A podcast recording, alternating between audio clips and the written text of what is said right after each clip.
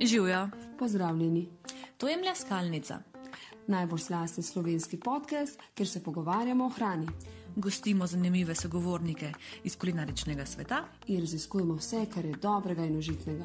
Mi dve sva Tina in Ives in so vaši gostiteljici. Veseli naj, da ste z nama. Dobrodošli v peti epizodi. Danes lepo pozdravljamo prav posebno gostjo. To je Polona uh, Pola Bakeraj, sicer uh, prijatelji pravi tudi šepetalka bakterija. A res? Ja. Pa kje ti zveš te informacije, ni več, ampak ja, sej me ne preseneča. A veš, kaj sem pa duhtala, da smo prav uh, v stilu z vsemi temi našimi večjimi trgovci, ki že na, na polno v svojih letakih oglašujejo velikonočna jajčka in um, te dobrote, ker tudi mi do danes smo nekako na to asociacijo povabile Polono Klančnik. Lepo dobrodošla, da ne boš samo na jo tiho poslušala. Živijo, zdravo, punce. Ja, no, in načrt je tak, da bomo. Vesela sem, hvala. No, evo, mi dve tudi, tudi ja, res zelo, zelo, zelo. Tako da ja, imamo plan, da nekako prepletemo mečken ta prihajajoči velikonočni čas. To je dio, ki um, Polono je v zadnjih letih tako nekako zasvojil. Ne? In to je kruh in to kruh z družmi. Tako da ja, bomo kar začeli. Um, sploh ne vem, no, kje, bi zač kje bi začeli, ker um, pomislim na Polono mi skoraj raznese glavo od vseh vprašanj, ki bi ti jih rada zastavila, ampak bomo začeli kar na začetku. um, kdo sploh si, no, sej verjamem, da te mnogi, mnogi, mnogi poznajo.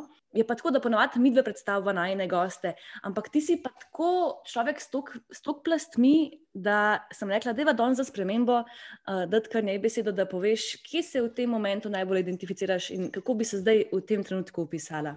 Eh, pravite, da je mi dve poloni utežiti delo, ne? da se bo predstavljala.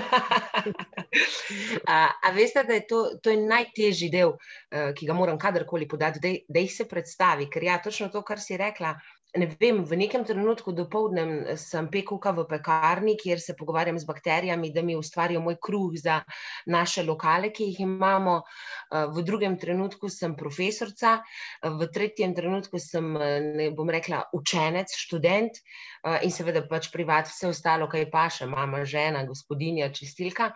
Ampak dajmo me po stroki opredeliti, ne vem kako. Ne vem, uh, dosti ljudi pa še strokovnja, reče strokovnjakinja z družmi. Jaz, jaz ne bi rekla strokovnjakinja z družmi, to mi je tako zelo formalni izraz. Uh, ja, zelo veliko vem o družbah, absolutno. Ampak jaz bi, jaz bi rekla, ne vem. Kuharca, eh, pekuka, pod, slash podjetnica. Evo, to, to bi mi bil, evo, našla sem si izraz, ki se bom predstavljala z njim. pekuka, slash podjetnica. Super.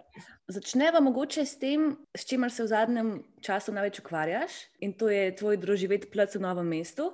Včeraj sem videl, da ste razprodali v eni uri pa pol, a je, a je bilo, je bilo, imam prave podatke, sem pravilno um, um, seštela une ure na storijih, da je full hitter vsega zmanjkalo. Pol ure. Pol ure. No, ja. Sploh ne vem, kako, kaj naj komentiram. A, a, ja, mislim, to sta res zadela žeblico na glavico, ne? Glavico na žeblico, Tako. ne, obratno. Ja, ja. Kako je, kako je, kako je ja, kako, kaj se dogaja v, v novem mestu, da je taka euforija skorda ne? Mm, jaz mislim, prvo moram reči, da ja, eh, predvsem imamo res dobre in vrhunske izdelke. Tukaj uh, trdim in stojim za njimi. Uh, ogromno je vloženega enega truda, dela in seveda ljubezni do teh mojih uh, bakterij, uh, da naredijo potem dober kruh. Uh, vsa zgodba, vsa najna strast. Jaz um, ogromno krat rečem, mogoče sem ta kraj, ampak brez moje Simone uh, ne bi bilo ničesar. Uh, Simona je pravzaprav tista, ki je kapo di banda.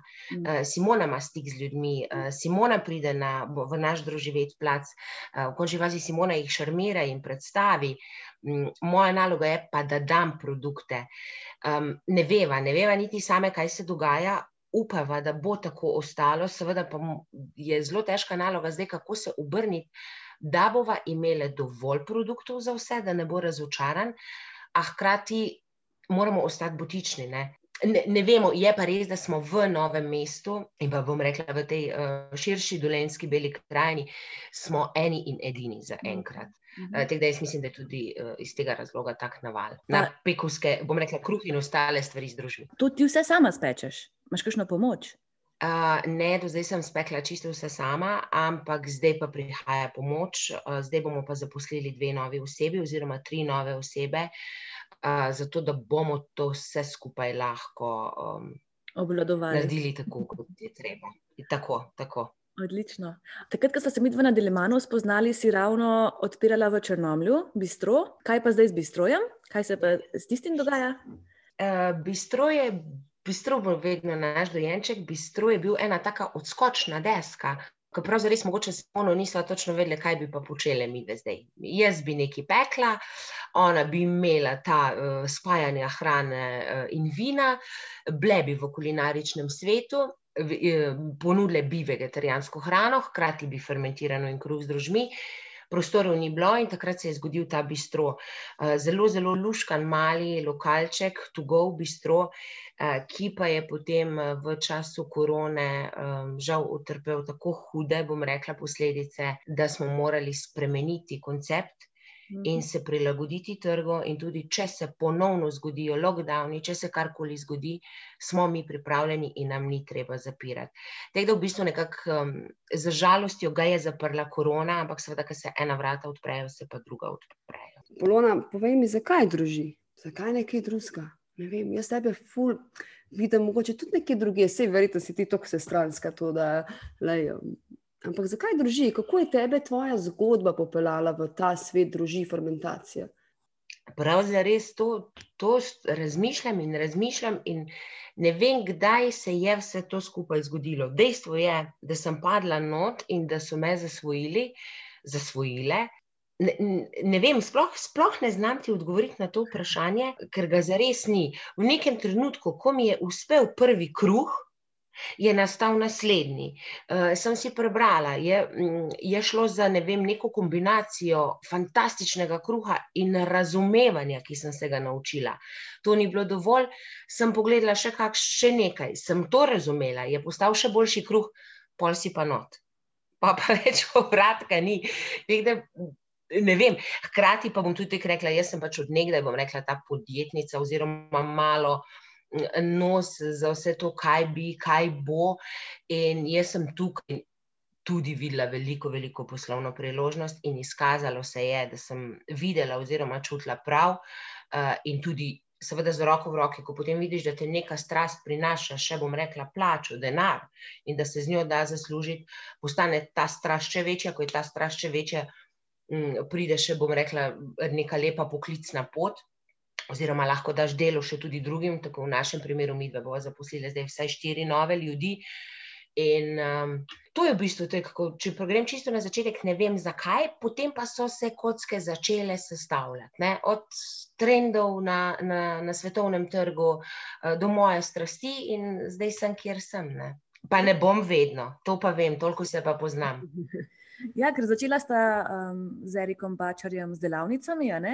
Ja, ja. z Erikom imamo še vedno šolo družvetja, uh, to je šola naravne peke z družmi. Uh, Erik Bačar je ta tamata in če mene vprašate, je on v Sloveniji tisti, ki ve največ in peče najboljše kruhe.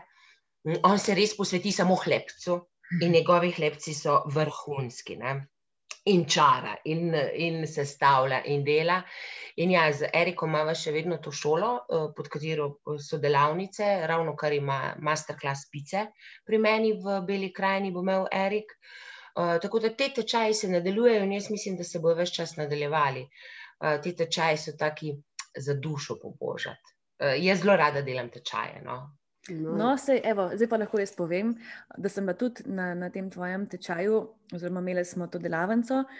In tiste družine, ki si jih ti takrat nam razdelila, uh, so bile pri meni nekaj časa, potem so šle k uh, tašči od mojega brata, in potem v, v prvem valu korone so prijadili nazaj k moje mami, in moja mama zdaj še vedno z njimi peče. So, so, so, so, so prav blemi usvojene, ker mene vmes priznam. Kaj pa vem, a veš, majhni otroci pa skozi neki letamo, pa skozi neki pa, pa poletje. Ja. Um, sem, pozabiš na to, da ja, kaj imaš tam za delati. Ni bil mogoče ta pravi moment uh, za me in za moje druži, da, ampak so se vrnili in še vedno jemo kruh. Zdaj jim je ime Lili in naša Gaja prav, da, da zdaj jemo Lili. Ko pride Lili sveža gor k nam od mami naše, je to cel, uh, cel dogodek. Bravo. Druživetje, prav druživetje. Bravo za Lili. ja. Vidiš, kar najdejo te in sploh ne znaš povedati, zakaj, ampak kar najdejo te tako kot praviš, ne, prav posrkajo te. Pač. Ne moreš nehati. Ne. Ko greš ja. iz ene, enega, ja. enega uh, ki delaš, greš na drugo, pa piše, pa še. Ne mi povej, uh, kaj pa v bistvu, kako ti to furaš vse skupaj. Veš, uh, družinsko življenje, pa tudi, kako praviš, ta lockdown, uh, epidemija novega koronavirusa je v bistvu tudi nekaj ti vzame, nekaj ti da. In takrat je se mi zdi pol Slovenije peklo ta kruh z družmi in so se ga učili, raziskovali.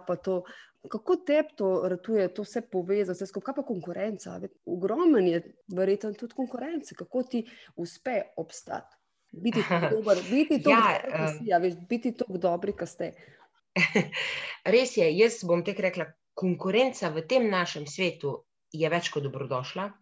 Vsi vemo, da konkurenca je dobra, ne glede na to, v kateri branži si, ker te dela boljšega. Mi je pa prav zares nimamo.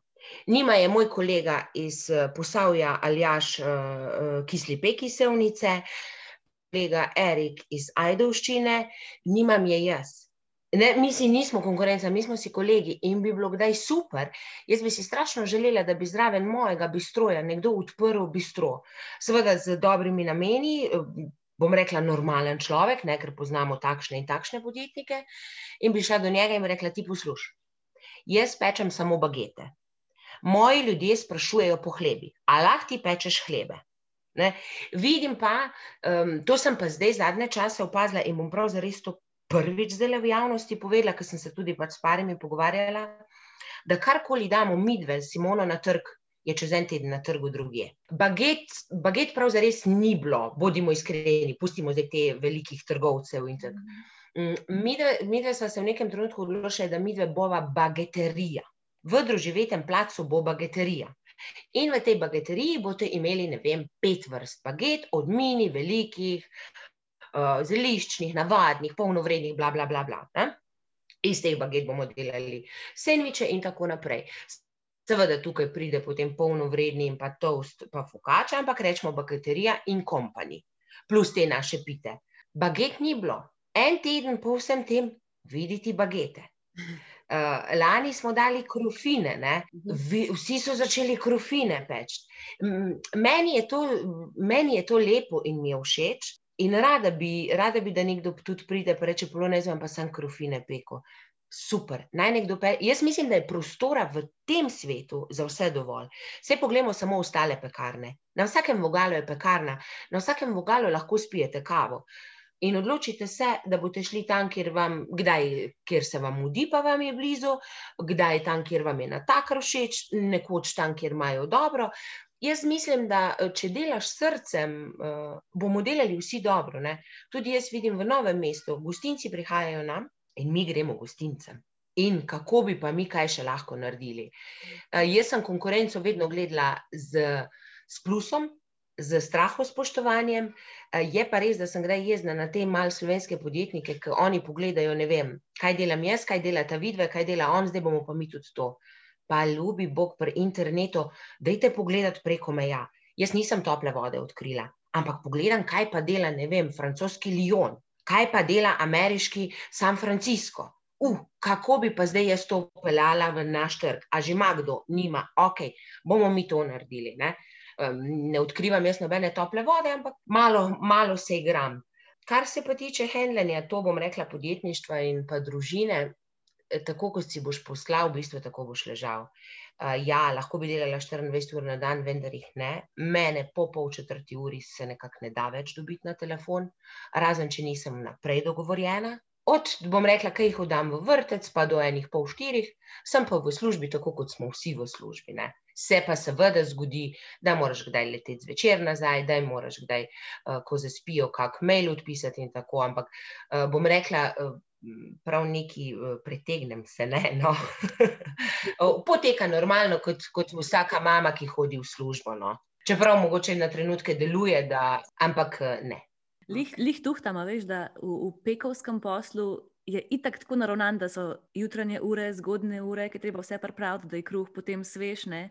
In da je res, ne, veliko bolj kot neka, ja. neka, neko gostinstvo, ko so večerne ure, je veliko bolj pisan nekemu družinskemu ja. življenju. Res je. Je pa, je pa kup enih usklajevanj, seveda ne vem, kdaj je treba v pekarno leteti ob štirih, ker so velika naročila, kdaj je treba v pol petih. Mm, s tem sem jaz tudi bila, jaz sem bila včasih strašna zaspanka. Zdaj pa bom rekla, da po jutrih posrkam najlepšo energijo in vzamem to prvo energijo jutra. Uh, in to je fantastično. Biti ob 4, pa 15, bom rekla, že na neki lokaciji in potem gledati sončni izhod, ima svoj čar. No. Um, tako da jaz potem tudi, ko se stvari pečejo, poštimam stvari, ki jih potem popovdne ne morem, pridejo pa dnevi, ki moraš pa cel dan delati. No, ampak teh je pa res zelo malo. Zdaj sta v bistvu locirani in v novem mestu. Ampak mogoče boste še kje druge, mogoče ne, naša prestolnica. Odgovor je ne za tremi klicaj. Oziroma, tako bom rekla, sicer nikoli ne reci nikoli, ne? ampak ne, recimo, čisto preprost primer. Vkolikor bi, ne vem, vama bilo to zelo všeč in bi vidve želeli, mi bi pa to imeli v Ljubljani, izvolite. Imate moj podpor, uh, eh, imate moje znanje, lahko vam dam, kar vam dam, ampak jaz se v Ljubljano ne bom vozila dnevno, uh, niti enkrat tedensko. Uh, tega časa več nimam, niti si ga ne želim, vemo pa, da nekako moraš biti prisoten zdrav. Mi dve si nismo želeli niti v novem mestu odpreti, potem pa se je zgodilo to, kar reče usoda, da je v bistvu ta prostor poiskal najo z fantastično lastnico, z gospo, ki je, bom rekla, kar meni malo vzor in uh, to smo sprejeli, več pa jaz mislim, da ne bi zmogli. Pa, sem pa vesela, ker nekdo reče, da bi rad nekaj takega odprl. Tu sem pa vedno pripravljena v bistvu pomagati, mu dati na svete in trike, ker vem, ker so tudi meni moji gostinci, sploh recimo Darja, Bazilika, ona je meni ogromno na svetu dala, ker sem jaz odpirala in to sem ji neizmerno hvaležna. Če začutiš nekje neko energijo ne, in da si s tem zadovoljen in izpopolnjen, zakaj bi šel. Zakaj bi, šel ja. zakaj bi ne ja, uh, šel preko tega, kar ti je izven nekaj. Ja, točno to.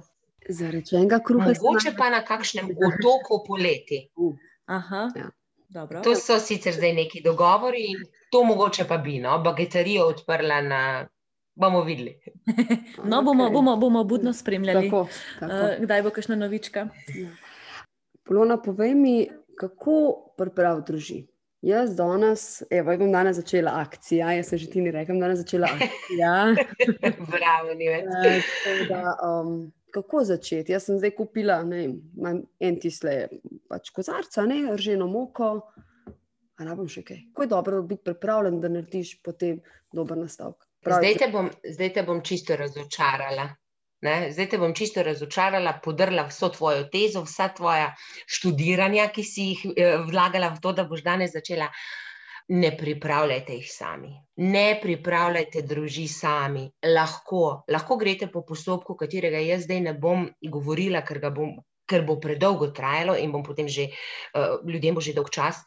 Ampak vedno rečem, ne pripravljajte pokličite mene, pokličite ogromno ljudi, kar smo prej videli, peče. Uh, ogromno ljudi ima družina. Jaz mislim, da skoraj vsaka hiša, če ne pa vsaka druga hiša, že danes. Ne? Ker če ni babica, je tašča, če ni tašča, je snaha, nekdo doma. Ne? In um, ker ko dobite vi družino, dobite že ustaljeno kulturo.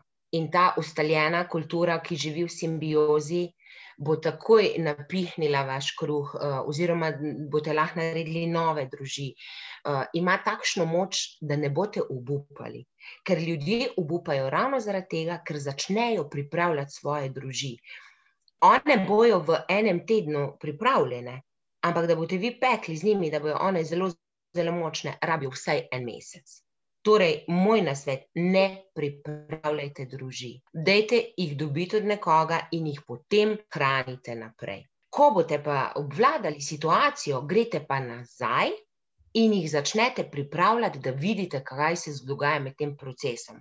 Ampak takrat boste pa že imeli določena znanja in spoznanja, kakšne morajo biti. Okay. Okay. No, če smo še vedno pri naših družbah. Iz mojih izkušenj, pa iz pripovedovanj moje mame, vem, da znajo biti muhasta. Kaj so tiste stvari, pri katerih se ljudje lovimo? Na kaj moramo biti, ko pride samo do, do družine, torej tistega majhnega kozarčka, ki ga imamo v hladilniku in ga pazimo, pazimo oko našega dojenčka. Mislim, kaj so to tiste napake, ki najbolj pogosteje delamo? Ja, zakaj, pol... zakaj imamo še kar toliko vprašanj? In kar po, po tednih, še kar nekako časih, moja mama po pol leta še vedno, joj, Tina, spet ne vem, kaj je zdaj to. Ja, tu gre za eno, bom rekla, eno živo stvar, ne, uh, s katero se morate pogovarjati, s katero se morate ukvarjati, katero morate ujčkati, malo za šalo, pa vendarle malo za res. Uh, glavna napaka, ki jo, pri, ki jo delamo ali delate pri družeh, je ta, da v kozarec kar šopaš moko in vodo, kar še jim daješ, še jim daješ. In v nekem trenutku je v kozarcu toliko družin, da več nimajo hrane. Zdaj bom čist tak preprost primer povedala. Če imate vi v kozarcu 20 družin, rečemo temu ali 20 gramov ali 20 enot, nima veze, 20 enot. In jim vi dodate 20 enot nove hrane, se pravi moke in vode, skupaj 20 enot. Vi boste imeli v kozarcu 40 enot, ker so se razmnožile. In v naslednjem hranjenju jim vi ne morete dati 20 enot vi morate dati 40 enot in zdaj imate 80 enot. In zdaj rabi 80 enot novo hrano. In napaka je, da imamo preveč družin v kozarcu. V kozarcu se vedno ohranja ena žlica, maksimalno 20-25 gramov. Hranjenje. Tako je, ja, ker kdo reče, joj, pa veš, da imam poln kozarc, pa nič ne dela. Ja, ljubi Bog se za to pa nič ne dela. Ne? Hranijo se vedno sproti pred peko. Se pravi, če se vi odločite, da bi vi rade danes večer zamesle kruh, zamesle, ne pekle. Danes bi ga zamesle, boste zdaj tekom do povdneva, odvisno tudi, kako so druži močne, nahranile vaše druži. Nahranimo jih po recepturi, piše, recimo, rabimo 300 gramov druži, vzamete vaše druži in jim dodate 150 moke, 150 vode. To lepo premešate, počak, malo počakate, vzamete eno žlico ven in jo vrnete nazaj v kozarec. Z ostalim nahranjenim počakate, da postanejo puhaste in zamesite. In tako se one več čas osvežujejo. Druga stvar je moka. Druži so zelo dober pokazatelj, kakšno imamo moko, ker ne bojo reagirale na vsako moko in precej, precej neka, bom rekla, umetna moka ne bo ok. Eh, ne, bojo, ne bo se zgodilo z njimi nič, takrat jaz svetujem, ali da se jim doda malo žličke meda ali malo sladkorja.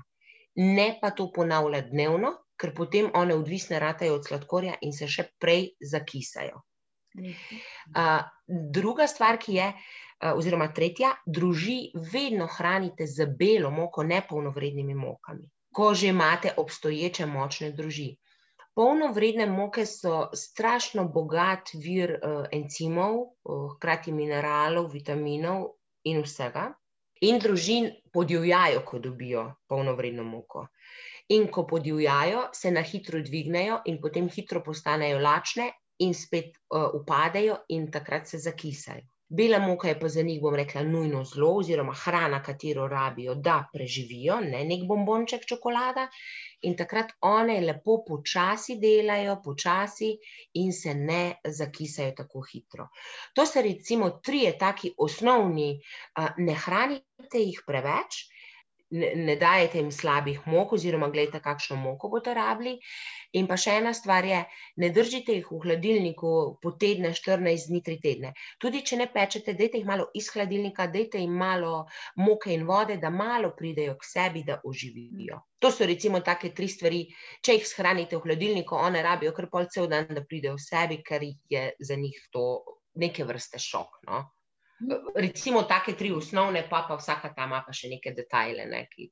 Se pravi, moraš biti ful potrpežljiv, no, pa v bistvu tukaj ni hitenja. No, bi, mislim, se mi zdi, da. Ja, pa nek občutek razviti, ja, ne, da, da jih znaš nekako videti, kaj ja. in kaj rabijo. Tako. Tako je. Uh, vse veste, kaj so nam že govorili, ko smo bili mali. Uh, vaja dela, mojstra, če mojster dela vajo.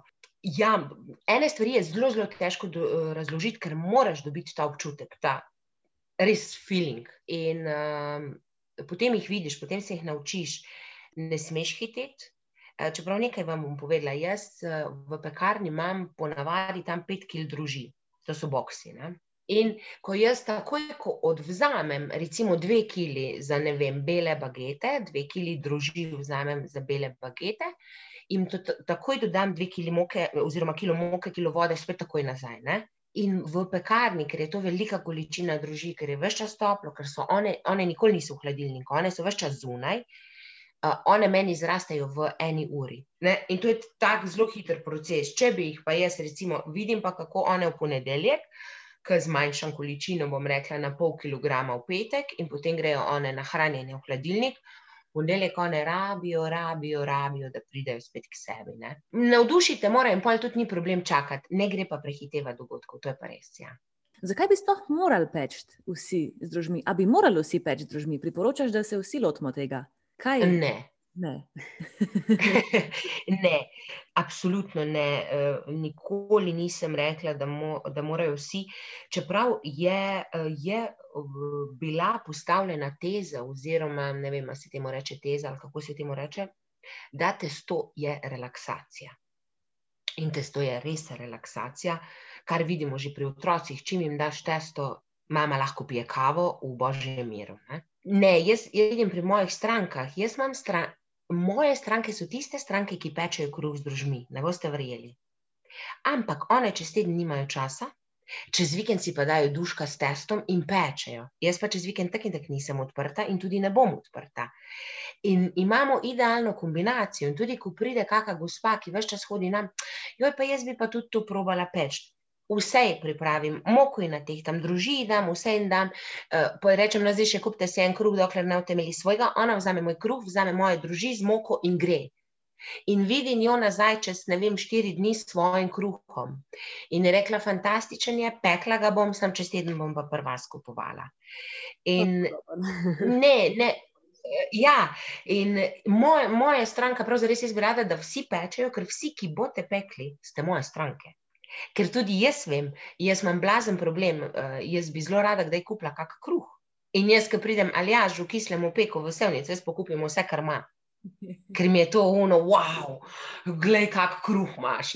Itak je stokrat boljši kot moj, ne? to imamo itak vsi peki, mm, takšno, ne? da je od drugega boljše. Ne, ni treba. Tako prej so ene mame pekle kruh, oziroma ene, eni ljudje smo pekli prej kruh, eni ljudje ga niso pekli. Uh, to je stvar odločitve in pa stvar želje. Je pa prav, da vemo, uh, zakaj ta kruh in zakaj ne instant kruh. Uh, to so pa stvari, oziroma tudi za vse ostale stvari, ne samo za kruh. To je pa prav, da se počasi začnemo zavedati, za kar tudi hvala, hvala vama za, za te podkaste, z gosti. Mm, ker jaz mislim, da ljudje ne da nočemo, ampak premalo znanja imamo ker ne poslušamo, ker ne beremo, ker hitimo, in potem nam zmanjka znanja, zakaj je pa nekaj tako zelo dobro. Ne, ne zato, ker je moderno, ampak najbrž že ima nek svoj razlog. Ne? Kakšne so prednosti, oziroma zakaj kislo testo napram? Ja. Bolj zdravo, kot zdaj to skvasam. Mm -hmm. pač, ja. Kje so koristi kislo? Lažje prebavljiv, bakterije prebavijo na mesto nas. To se dogaja v hladilniku, ko testo počiva. Bistveno uh, zmanjšan glikemični indeks. Uh, in vemo, da je tudi definicija fermentacije, kaj fermentacija je, zelo hitro, lajično povedano, brez nekih strokovnih kompliciranj. Fermentacija spreminja živ, živila, njim spreminja in um, uh, formo, teksturo, arome, okuse in vedno dodaja dodano vrednost nekemu živilu, ki je bilo fermentirano. Fermentacija je zdrava in enako se dogaja tudi tukaj. Uh, zakaj tudi to? Zato, ker m, mm, jaz sem brala v eni uh, knjigi od uh, mojce, mojce, ne vem kako se piše, v glavnem strokovnjakinje, moka kot taka sploh ni užitna. In največji problem je, da imamo mi kruh narejen v enih dveh urah. Tukaj ni problem v kvasu, da ne bo pomote. Tukaj je problem v času in da imamo mi kruh v dveh urah. Jaz tudi, kadar učim kmečke žene, pa jim ne morem zdaj postaviti celega življenja na glavo, vedno rečem: vzemite kvas dajte na pol količino kvasa, kar ste prej imeli, zamesite in postavite v hladilnik, da se zgodi vsej mala, mala fermentacija. Hmm. Ker v eni uri nismo naredili nič, uh, to je enako, kot bi moko jedli na žlico. Ali pa malo potroste moko noter v pečico, da se bo malo spekla in jo pojejte. Ni, ni se zgodila nobena prebavljivost, in predvsem gre tukaj za strašno prebavljiv kruh. Plus vsi ostali uh, parametri, ki so potem pač uh, samo še dodatni plus. Um, tako da, ja, nizek glikemični indeks, prebavljivost, uh, okusi, arome, um, tudi zmanjšanje glutena, bistveno, bistveno manj uh, glutena vsebuje ta kruh, ampak moramo biti previdni, to ni uh, kruh za bolnike s celiakijo. Dobro. Mi smo zihar še kakšno ja. uh, konkretno vprašanje? Ne, vse čas. Mislim, ja, ne, ja, imam, mislim, ja, se vprašanje bi tako dosti, ampak vse čas zdaj razmišljam v glavi, kako se teh družin lotiti, pa kako, pa kaj, ja, se jih. Ja, pa... veš, jaz imam tudi, ne, jaz imam iste pomisleke, ker vse sem ti rekla, uh, jaz sem obupala, no, obupala, ker nisem znala nekako to, ker postopek traja, ne, ni, ja, traja, moraš imeti nekako v mislih, da se nekaj dogaja moja mama, ki rečem, da greva na sprehod, ja, veš, moram pa zdaj prepogibati dve ure, ne morem. Kako si to poenostaviti, da nekako nek ritem osvojiš? No, ja, imaš ti se ritem. Da... Ja. Ker imaš občutek, um, da pa moraš biti cel dan doma zaradi enega kruha. Ja, res je. Uh, to je tudi, eh, bom rekla, moja napaka in napaka vseh naših kolegov, zato ker se v nekem trenutku pogovarjamo na ravni, pekovski ravni. In potem vsi, ki niste peki, ampak ste ljubitelji in dobro pečete, poslušate nas. In potem gledaj, kaj dela, kako dela. Ampak vi morate vedeti, da jaz imam, oprostite izrazu, ampak za Boga Isusa 8 ur časa v službi, da to delam. Vi tega časa nimate. In jaz vedno rečem, ne komplicirajte, ne delajte potegov in prepogibov, zato ker polona klančnik pola dela potege prepogibe. Zato ker ste prebrali v knjigi, da naj dela potege in prepogibe. Ali sploh veste, zakaj se delajo potegi in prepogibi? Potem pa, uh, potem pa dobim vprašanje, uh, joj, polona, veš, da ajde v kruh mi pa ne gre delati potege in prepogibe. Ne, Potegi in prepogibi se delajo zato, da se krepijo glutenske vezi in to delamo samo pri belem kruhu, da dobimo lepo sredico, nič kaj drugega. In če bo mama tašča uh, želela na sprehod, pa pač ne bo delala potegov prepogibov, ne bo mogoče perfektna sredica Instagramovska, ampak kruh bo fantastičen. In mm, ja, malo skrivim sebe za vse te, eh, vse te komplikacije, čeprav mislim, da sem med vsemi peki najbolj preprosta. Eh, da rečem, da ne kompliciraj to, zamesi pa da je eh, v pečico. Ampak ja, tukaj bomo mogli, mogli še narediti, zato da bojo vsi videli, da ne zamesi, da je v košaru, naj vzhaja in potem peci. Če si pa doma, pa super, pa naredi potege prepogibe, pri belem oziroma polbelem kruhu, nikakor ne pri polnovrednih, ker ne rabimo delati teh potegov. A, to je to, še jaz pa nisem vedela, da je to glih ta razlog, le zakaj. Okay. Kaj pa vsi pripomočki, ja. Polona? Kaj pa vsi pripomočki, pa košarice vzhajalne, ja, ja. pa ta um, žiletke, a veš na teh lepih lesenih, ne, da zarežeš. A rabimo to? Najbrž ne, ne. Se vem, kaj boš rekla. Ne, Ne. rekla bom ne. Uh, to, je, to je pač, bom rekla, neka šminka, ko prideš do neke stopne, pa si jo zaželiš.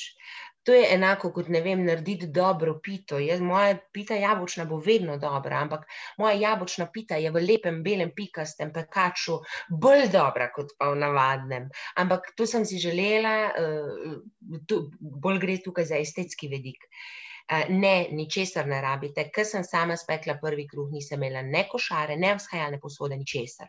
Vzhajala sem v, v cedilu, skrpo, uh, pokrit in čakala, kaj se bo zgodilo z njim. Bil je itak podplat prvi kruh, ampak nima veze. Uh, te vsi pripomočki nam olajšajo delo ni pa, da jih moramo imeti. Uh, tudi, bom rekla, ta rezila, lepa, krasna lesena rezila za rezanje um, kruhov, absolutno, jaz jih ne uporabljam. A si vi misli, zamislite, koliko bi jaz mogla, kolikrat na dan bi jaz mogla šraufati, pa britvice menjati v pekarni. Jaz imam v pekarni britvico, zarežem v njih, ne vem, 100 baget, britvico zavržem, vzamem novo za naslednjih 100 baget. Um, tako da so pa lepa in moramo vedeti, da kljub temu, da je to neka zelo stara, stara način peke, uh, je postal modern in seveda vemo, da modi spadajo pa vsi dodatki. Ne. So lepi, jaz jih pozdravljam, ampak jih pa ne rabimo. A bi, bi priporočala naprimer, za začetnike, da grejo na kakšen tečaj, ali je dovolj informacij dostopnih, ali lahko, naprimer, torej knjige, kakšni videi, posnetki nam lahko dajo vse to znanje. Ali je tečaj samo mogoče za lažji začetek, pa da ti mečkam da volje, motivacije? Um, ja, e, oboje bom rekla, odvisno od, od tega, kakšen tip si.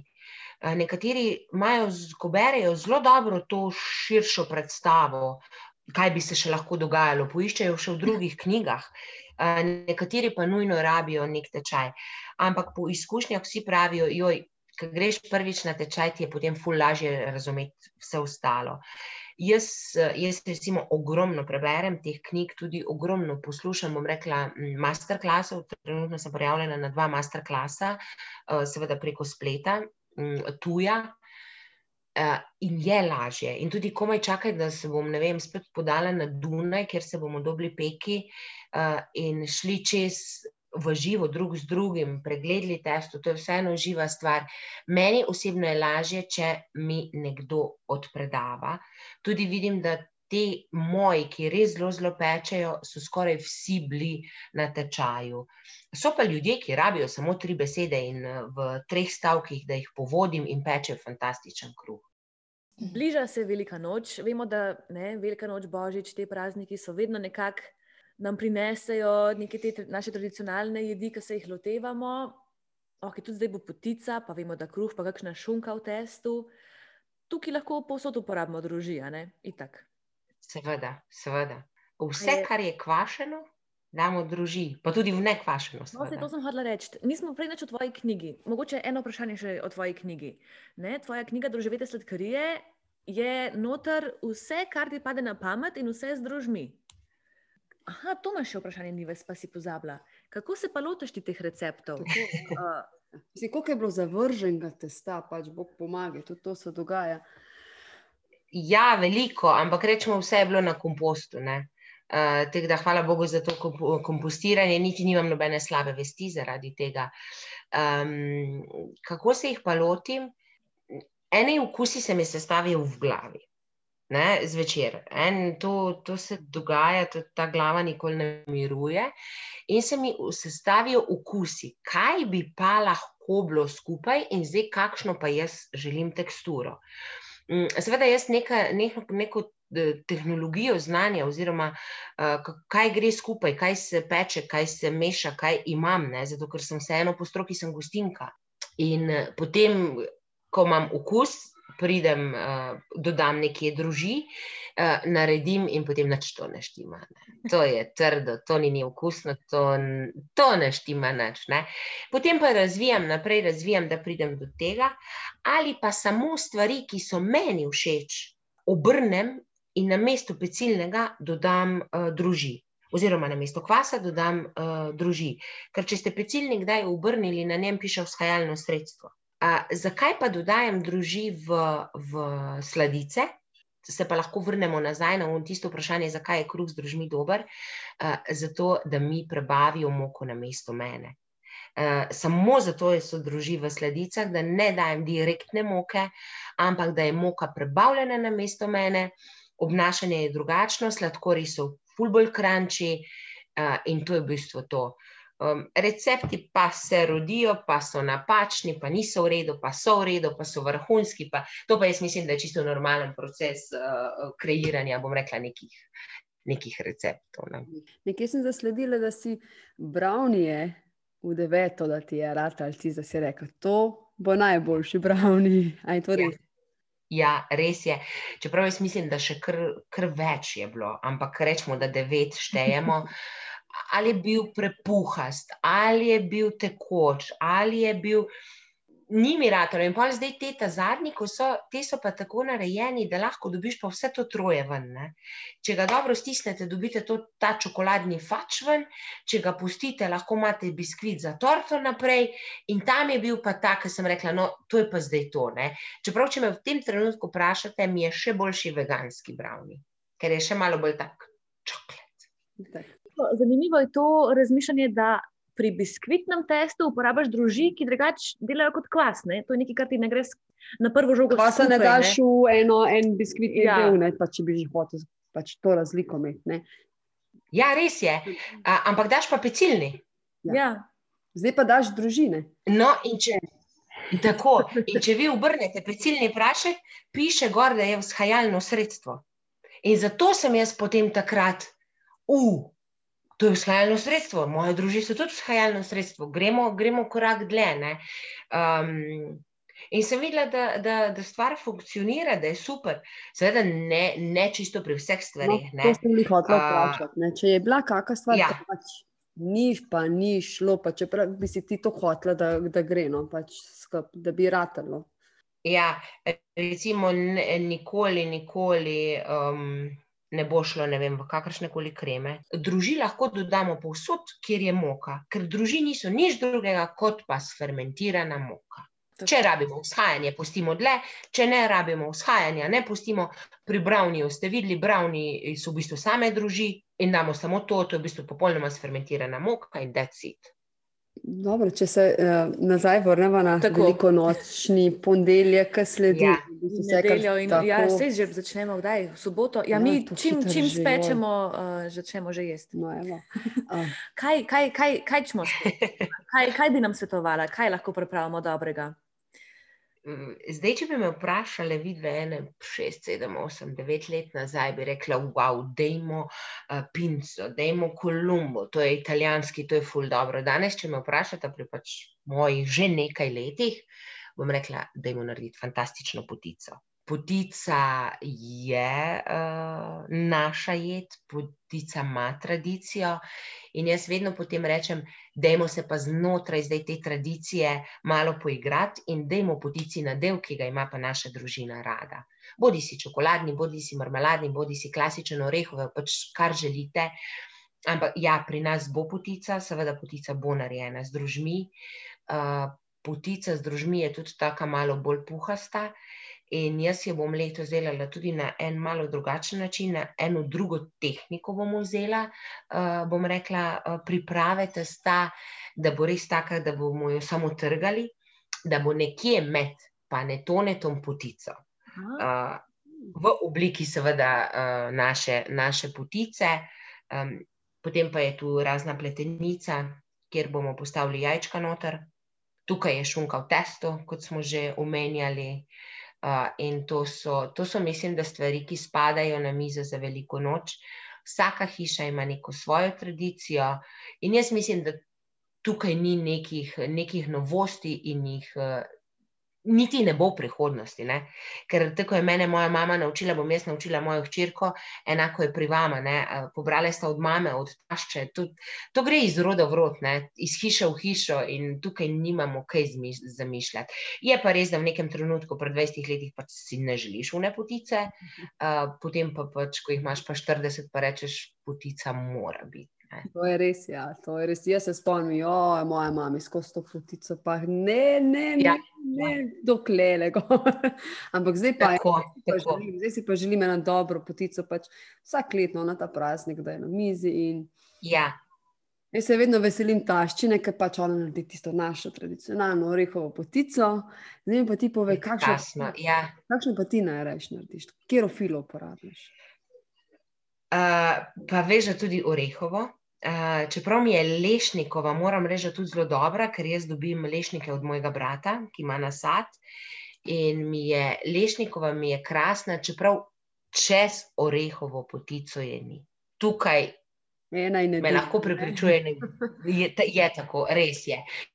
Dobra čokoladna je, dobra makova, ampak če se pogovarjamo o vrhunski potici, je to uh, potica z orehovim nadevom. Super, ja. A nekdo, ki ni še nikoli pekel z družmi, A je realno pričakovati, da bo za veliko noč lahko spekel kaj, kar mu bo dejansko ratal z družmi? Uh, bo. Lahko, rec, no, na primer, potico, ajde. Bo, jaz vedno pravim, da bo. Mogoče bo, bo rabo malo več časa, svetujem, da ne začne v četrtek, na veliki četrtek in potem soboto pričakuje potico, ampak začne naslednji teden, da vsej eno potico prej naredi. Tukaj ni problem v testu, ne? tukaj je samo problem, da dobiš ta občutek, da bo lepo in pravilno vzhajano um, da gre, kdaj gre počivati v hladilnik, kdaj je fajn, da je zunaj, oziroma kdaj je lahko vse čas zunaj. Samo, tukaj gre samo za občutek. E, jaz vam bom iskreno povedala, lažje je narediti potico, kot pa Instagramovski hlebec. Ker tam moraš imeti vseeno določena znanja za, za perfektno sredico, prave moke. Tukaj pri potici vemo, da je sredica je gosta, mora biti puhasta, in pri potici morajo spremljati samo vzhajanje. In bolj realno je, da naredi potico, kot pa uh, uh, šunko v testu. Mhm. No, to sem hotel reči. Če zanemarimo Instagram pričakovanja in to, nam, kakšne standarde nam postavlja, imamo realne šanse, tako, da bo tako. Dobro bo itak. Ne? Vsi, dobro bo itak. Uh, tukaj gre samo za ta, si sem rekla. Um, eno probat prej, da se ne boš glih usramotil pred družino, ki boš v soboto, nedeljo, ponedeljek postavil velikonočni zajtrk, uh, ker gre predvsem za to razumevanje vzhajanja. Tukaj jaz vidim največji problem. Ne sploh družine, ker druži tudi, če bo te jih, ne vem, danes dobla, ti bom jaz že pomagala čez, čez Messenger nahraniti. Dodaj jim toliko, dodaj jim toliko, ali so puhasti so, ajmo, gremo akcija na testo. Ne? Potem je pa to razumevanje, koliko mora testo narasti. Ker mi nekdo reče, polona, a štiri ure vzhajam. Ne vem, ne vem, koliko vzhajaš, ker ne vem, kakšno imaš temperaturo doma. Vem, kakšno imam jaz, ne vem, kako so močne tvoje druži, moje so močne tako. Uh, Jaz po navadi pa vedno rečem, dejte gledati, da, da dvakrat naraste, pa da je tako čisto puhasto, ko se ga dotaknete. Uh, to mi je največji približek in edini problem vidim v tem razumevanju vzhajanja. Vse ostalo je simpel kapasov. Pogumno v boj. Ja. tako. Boje potico bo verjetno, um, jo boš lahko v bistvu prišel. Uh, iskati, v bistvu okušati v novo mesto, v bistvu boš pripravljala no, tudi za tvoje stranke. Razmišljam bomo še. Bomo ponudili, no, to hočem reči. to ni bilo vprašanje. Ja, uh, jaz, to, je nujno. to je bila trditev s piko. Ne? Bo, ja. Ja, se jaz mislim, da bo sicer, um, mislim, da se ne bomo šli teh lepih, lepih šarključkov, ne, ampak da bojo, kar, kot moja mama reče, štange, uh, pač ne vem, pol kile, kile, uh, ker šarklj pa res lahko delaš sam doma. Um, Tak, lep, tak kot mora biti, ne, teh pa ne morem narediti, ne vem, po 100 komadov, po 200 komadov. Pa tudi tako je, Šarkal je prevelik, mogoče za nekoga. Mogoče bi pa nekdo samo ne vem, z, z partnerko ali partnerjem pojedel dva kosa v nedeljo za zajtrk. In je prav, da, uh, da ja, najbrž da bo. No. Obvezno vprašanje, uh, ali smo cilje za naprej že? Uh, no, vemo, da ne boš prišel v Ljubljano, ampak okay, kaj pa ostali tvoji cilji za naprej? um, Simona bi rekla, ne, tega sprašovati, prosim, ker bomo imeli v ponedeljek že delo. Um, ne vem, sproti prepuščala se bom toku, vsak, vsak teden bolj dozoriva za Simono v biznisu in sprejema neke realne odločitve. Uh, zdaj se nam je ponudila ena zelo, zelo huda priložnost za tujino uh, z našimi, bom rekla, produkti, našimi grisini. Uh, ki so tudi trenutno na, na testiranju, na biotehničkem testiranju, zato da dobimo vse certifikate za njih. In um, ne vem, ali bomo sprejeli ali ne. Uh, to so velike odločitve, veliki posli, ki zahtevajo tudi celega človeka. Jaz se najbolj bojim, da bi v nekem trenutku mogla upravljati mesto, mesto direktorja, uh, na mesto, da bi bila v pekarni in proizvodni. Ko bo prišlo do tega, takrat vem, da se bo moja poslovna pot z družmi končala. Uh, ker ne želim biti direktor, nisem direktor, ampak sem kreativc. Uh, ki, ki bom rekla, proizvodnji preizkuša dela in daje novosti na trg. Ne. zato, zato v bistvu vso breme pri nas v podjetju pade na Simono. In uh, no, nočem je preveč zasipati z novostmi, ker ona je res pač ena mravljica in blazno sposobna. Bom rekla, ona je moj direktor, pravzaprav res ne kapo di banda. In um, ne vemo, jaz mislim, da bomo se lepo, uh, tako čist pomalo širili, uh, dali na novo embalažo grisinov, potem bomo pa videli, kaj bo čas prinesel. Sigurno pa so moje želje, da ne vem čez deset let se jaz vidim vem, na nivi, kjer sedim paradižnik in solat. Predvidevam, da je bolj mirno živeti iz dneva v dan s tako podobo sebe v glavi, kot pa da. Ja. ja, ta pričakovanja ja. in to, kaj vse lahko ne, zna biti tudi uh, kogarkoli zadovoljivo, ampak tudi izčrpajoče. Ja, a veste, tudi v, v nekem trenutku, ko je prišel do nas en velik trgovec in je rekel: Rabim 10.000 paketov, oziroma 12.000 paketov gresinov. Uh, ok, to se sliši zelo lepo, ne? to je tudi, to je v končni fazi 40 tisoč evrov, ampak koliko ti jih na koncu ostane? Mm. Meni in Simoni vsaki 2000, ne, hvala lepa. Uh, ne ne za, za, za to, kar moraš dati. Uh, in te včasih je boljše biti manjši. Že meni se zdi, da smo itak veliki in preveliki, uh, pa smo vseeno, kljub temu, še mali. In res počasi, smotrno, meni več od teh, da se jaz ob treh, pol štirih popoldan izklopim in da me na telefon niti pahor več ne dobi. Pač mene ni. Ne. Uh, če pa imam jaz na, za nekoga narediti 12.000 grisinov, si pa ne morem dovoliti, da se izklopim, ker me čakajo tu en kup ljudi. Mm. Ok, pejmo še na ta zadnjih hitrih šest. Bomo videli, če, če bomo, bomo uspešno splavali iz uh, drožastih voda. najljubša hrana, Polona, tvoja najljubša hrana? Uh, je nimam. Uh, resnično je nimam. Uh, Nič, tudi. Uh... Štrudel. No, Štrudel. Evo, sva že dve, vidiš, sva že dve. Super, da mi povej, um, kaj najboljše skuhaš? Eh, če vprašate mene, zdaj, če bi vprašali ostale, ne vem, ampak če vprašate mene, najboljše naredim ržen kruh z, z maslom in z marmelado. to je nekaj najboljšega, kar, uh, ker ržen kruh jaz naredim res dober. Brez dvoma. Pri tem, pri, zadnji odgovor, pri tem ostanemo. Najbolj grozna. Eh, ržen kruh, tako. To je to, ržen kruh. Najbolj grozna ali smešna stvar, ki se ti je zgodila v kuhinji, ali pa karkoli drugega, kar ne boš nikoli pozabila. Uh, teh, teh stvari je pa toliko, uh, ampak mogoče samo ena, uh, ta zadnja, um, od tega, da smo pozabili družiti, da testa pa niso vzhajala, od tega, da nas je testo pričakalo, uh, po tleh lezlo. Uh, zadnja pa je bila, da sem potrebovala nujno ene kozarce za vlaganje, um, ker smo pakirali nekaj noter. In sva Simono prišle do povdne, to je bila ena sobota do povdne v bistru. V avtu smo imeli ful kozarcev in sem rekla, veš kaj, deva mi dve po deset kozarcev nositi in bom jih jaz deset po deset pakirala. In v nekem trenutku meni zmanjka kozarcev in prosim Simono, če mi lahko gre iskat kozarce. In nje ni dve ure in kje je zdaj ona. In ona je dejansko šla prečekirati, kera trgovina je odprta, da je lahko kupila kozarce, a mi dve smo kozarce imeli v avtu. To mogoče v tem trenutku zdaj ni tako smešno, ampak jaz sem se takrat tako smejala, da, da, da mislim, da sem se kar mal poluzila. no, evo. Uh, povej mi kuharski trik, ki bi ga mogli vsi vedeti. Dodaj maksimalen svoj čas, bodi strpen in dodaj veliko mero ljubezni. Če se ti ne da, se ne forsiraj, pojdi jesti ven nekomu, ki ti bo postregel in pripravil z ljubeznijo. Nekaj, na kar nikoli ne pomislimo, ampak je, je osnova res, ja. v resnici. Ja? Na, kaj pa tvoj najljubši kuhar ali pa kuharska oddaja ali pa knjiga?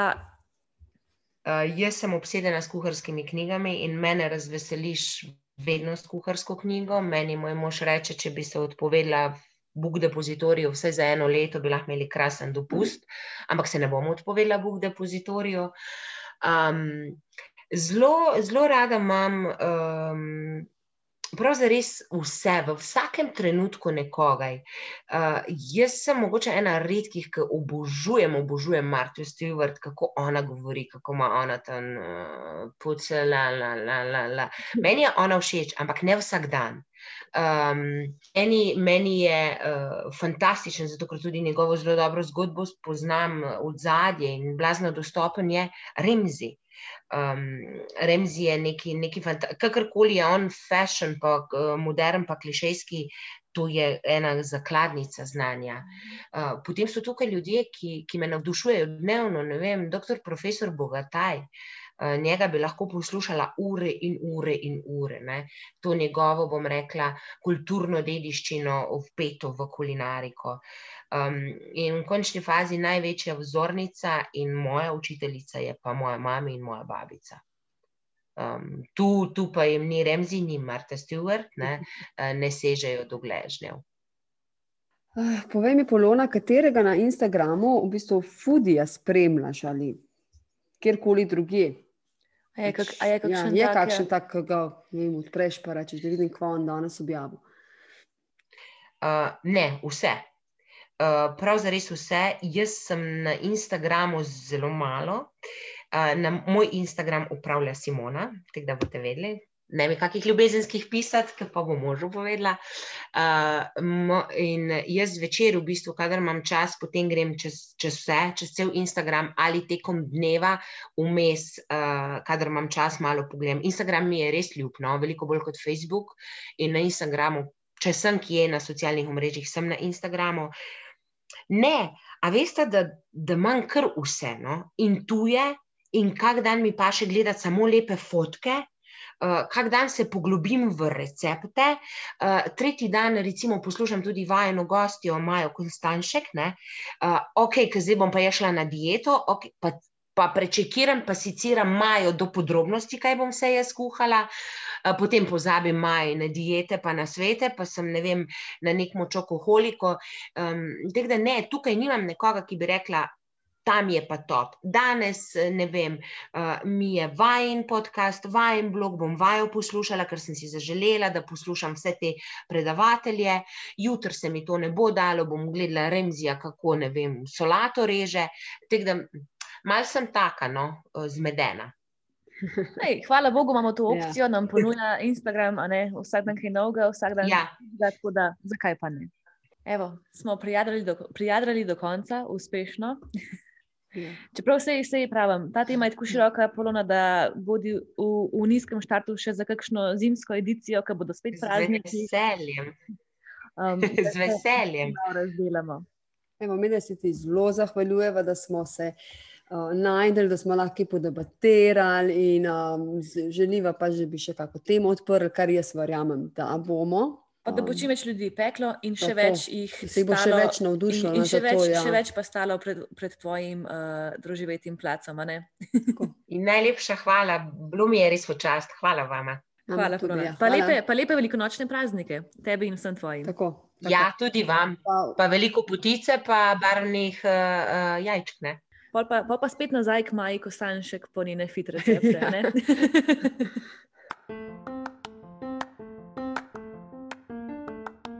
Evo, Tina, in smo prišli do konca um, s pogovorom s Polono. Sicer jaz bi se z njo pogovarjala, po mojem, lahko cel dan, ker ženska je tako zanimiva in um, v bistvu s tako strastjo pripoveduje o vsem tem, kar se uh, dogaja z temi družmi in z.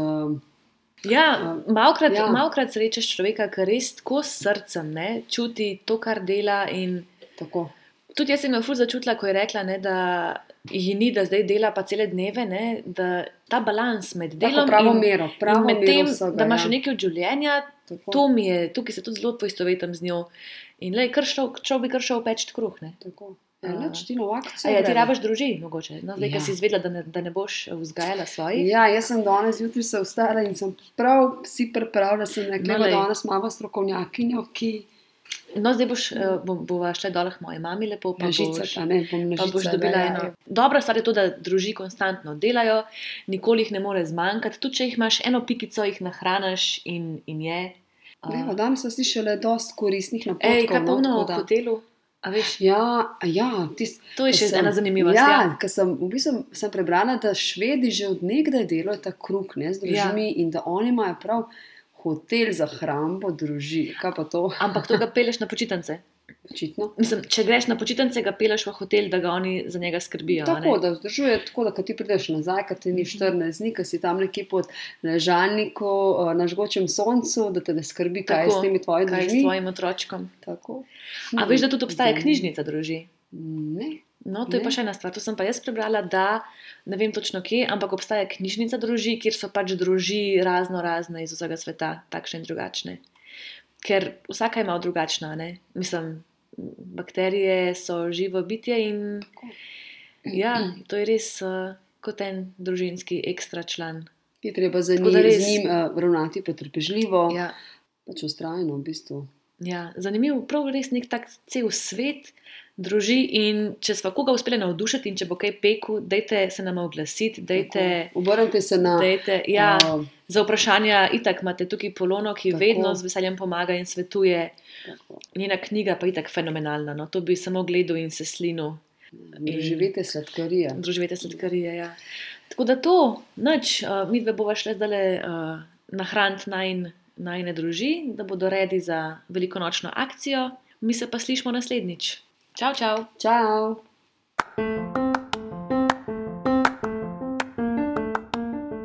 Poslušali ste Mleskalnico, najbolj slasten slovenski podcast. Veseli bova, če se naročite na nove epizode v vaši izbrani aplikaciji za poslušanje. Če pa nama naklonite kakšno dobro ceno ali komentar, pa bova vzhičeni še bolj, kot če bi Polona odprla svojo pekarno tudi v Ljubljani. vsi kontakti in povezave, ki naj najdete na družabnih omrežjih, se nahajajo v opisu epizode.